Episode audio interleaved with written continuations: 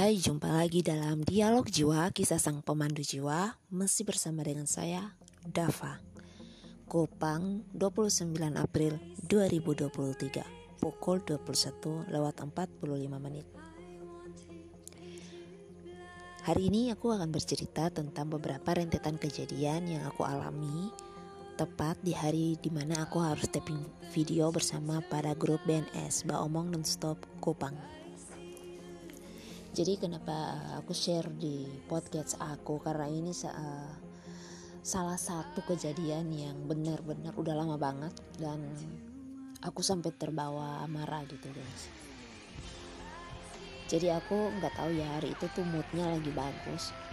Karena aku ya bisa dibilang aku dapat tidurnya cukup sekitar tiga jam lah dalam sehari itu jadi aku naikin vibrasi energi aku aura positif aku sehingga aku juga oke okay, hari ini uh, mau syuting mau taping video jadi aku harus tampil bugar dari yang biasanya gitu. Dan dalam perjalanan aku ngajak uh, salah satu teman cewekku itu dari orang muda Katolik yang aku bina. Dalam perjalanan memang sih uh, motor agak berat karena anak-anak pada ngikut anak-anak ambarku. Giliran udah sampai depan pagar aku uh, pagar tempat uh, eh, BNS aku tuh dapat serentetan potongan gambar. Yang mana nantinya uh, teman aku ini dalam bahaya gitu dan untuk meminimalisir keadaan seperti itu, aku langsung aja membackup teman aku depan pintu pagar itu. Jadi aku langsung backup dia supaya kalau ada apa-apa selama aku taping video atau selama uh, aku uh, berhadapan dengan narasumber atau ada kiriman dari orang-orang dari luar, uh, si teman cewekku ini gak apa-apa deh, puji Tuhan gitu. Ya tapping awal berjalan lancar. Cuman sebelum tapping itu ada salah satu narasumber yang mana waktu dia masuk dalam ruangan itu, ruangan sama-sama itu ruangan tunggu. Jujur ya, aku nggak suka sama dia karena uh, auranya tuh gelap dan belaku banget aku lihat karena apa ya? Gak tahu ya, aku kayak benci banget sama nih orang dan itu muncul bukan dari uh, bukan dari pikiran atau perasaan aku sense aku tapi dari kodam menjaga aku gitu. Jadi aku terbawa suasana. Sorry gengs aku lagi pilek. Jadi aku terbawa suasana emosi itu. Padahal aku tuh orangnya nggak gampang marah tuh. Setelah itu tapping video berlanjut dan setelah tapping ada acara makan malam. Tapi aku nunggu di bawah dulu. Nyari udara segar wah menetralisir keadaan dulu. Lalu datang narasumber yang ketiga. Narasumber yang ketiga ini adalah salah satu narasumber yang apa ya? Dia datang baru dari depan jalan masuk ke dalam uh, dari depan pintu masuk ke dalam uh, rumah sampai di tempat yang kita sementara duduk ini aroma baunya tuh nggak enak gengs. Aku nyium uh, nggak enak banget. Jadi ini sosok anak muda dua orang laki-laki sama perempuan. Dari salah satu channel juga yang lagi terkenal di kota Kupang. Dan bukan apa ya aromanya tuh menyengat. Aku nggak suka karena bau anyir bau amis bau luka bau darah pokoknya bercampur bau busuk gitu aku nggak ngasih muka aku ke dia. Pokoknya ngomong tuh aku silih-silih aja sama dia. Nggak suka ngelihat. Jadi dua narasumber ini aku jujur aja literally aku nggak suka banget gitu. Biarin dia denger. Ini ucapan jujur ya dari aku sama kodam aku gitu. Aku nggak tahu itu sensi itu keluar aja gitu. Dan pada saat itu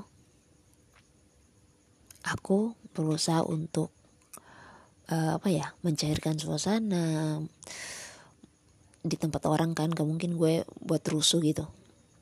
Tapi keterlaluan banget karena si narasumber yang baru datang ini anak muda ini tiba-tiba nyerang ke arah aku gitu.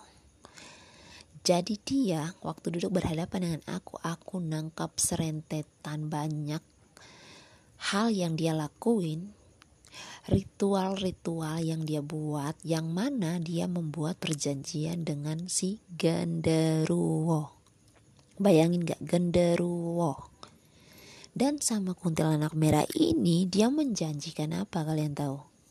Bisa tebak nggak? dia menjanjikan darah.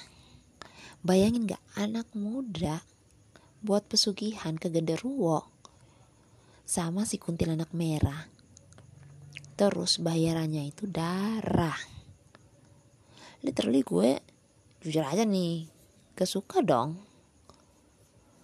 Lu masih muda harusnya lu tuh nyari sesuatu yang baik lah gitu. Masa lu nyari sesuatu untuk uh, numbalin orang gitu. Kan gak enak banget gitu.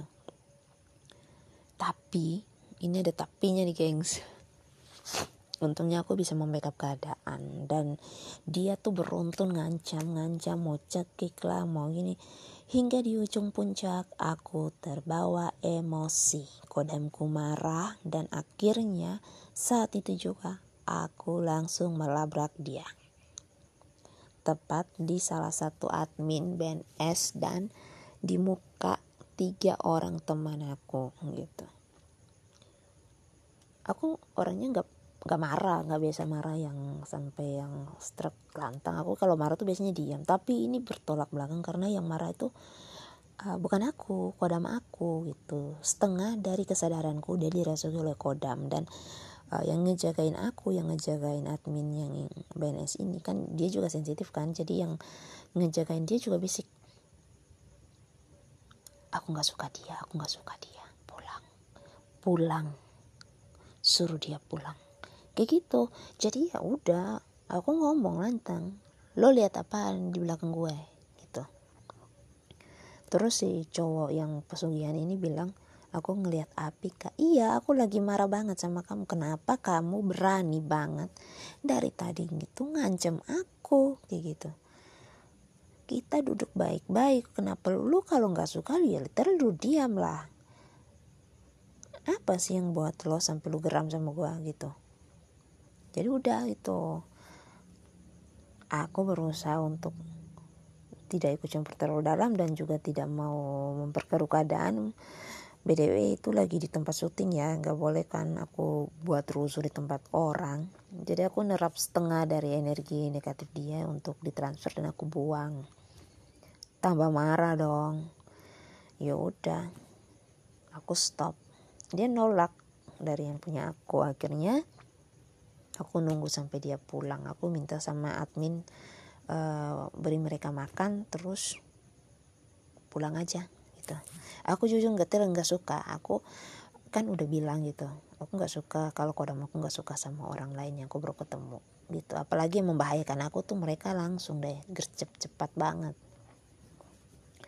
Jadi um, setelah mereka pulang aku sama adminnya BNS juga. Aku bilang ya udah ini pulang kita istirahat ya. Tapi sebelum istirahat bersihkan diri dulu dari aura negatif yang punya dia itu supaya sampai di rumah kita juga nggak terbawa gitu.